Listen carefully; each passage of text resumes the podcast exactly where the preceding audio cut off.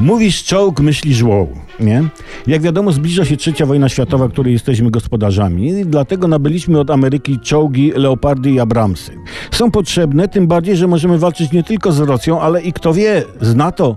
Przecież cała Unia jest w NATO, a my się z nimi kłócimy. Chiny na razie zostawmy w spokoju, później się zastanowimy. Będą grzeczni, my będziemy grzeczni. Będą niegrzeczni, my będziemy niegrzeczni. Dobrze, więc czołgi. Co to jest czołg? Najogólniej rzecz biorąc, czołg to pojazd mechaniczno-silnikowy uzbrojony w lufę i karabiny maszynowe, służący do przetrwania na polu bitwy przez około 12 minut. Tak czytałem.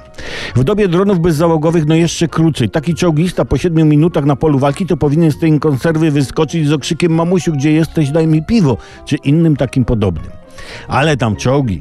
My kupujemy zestawy do przewożenia czołgów, tych leopardów i abramsów, bo te czołgi są tak bardzo luksusowe, że żal ich używać.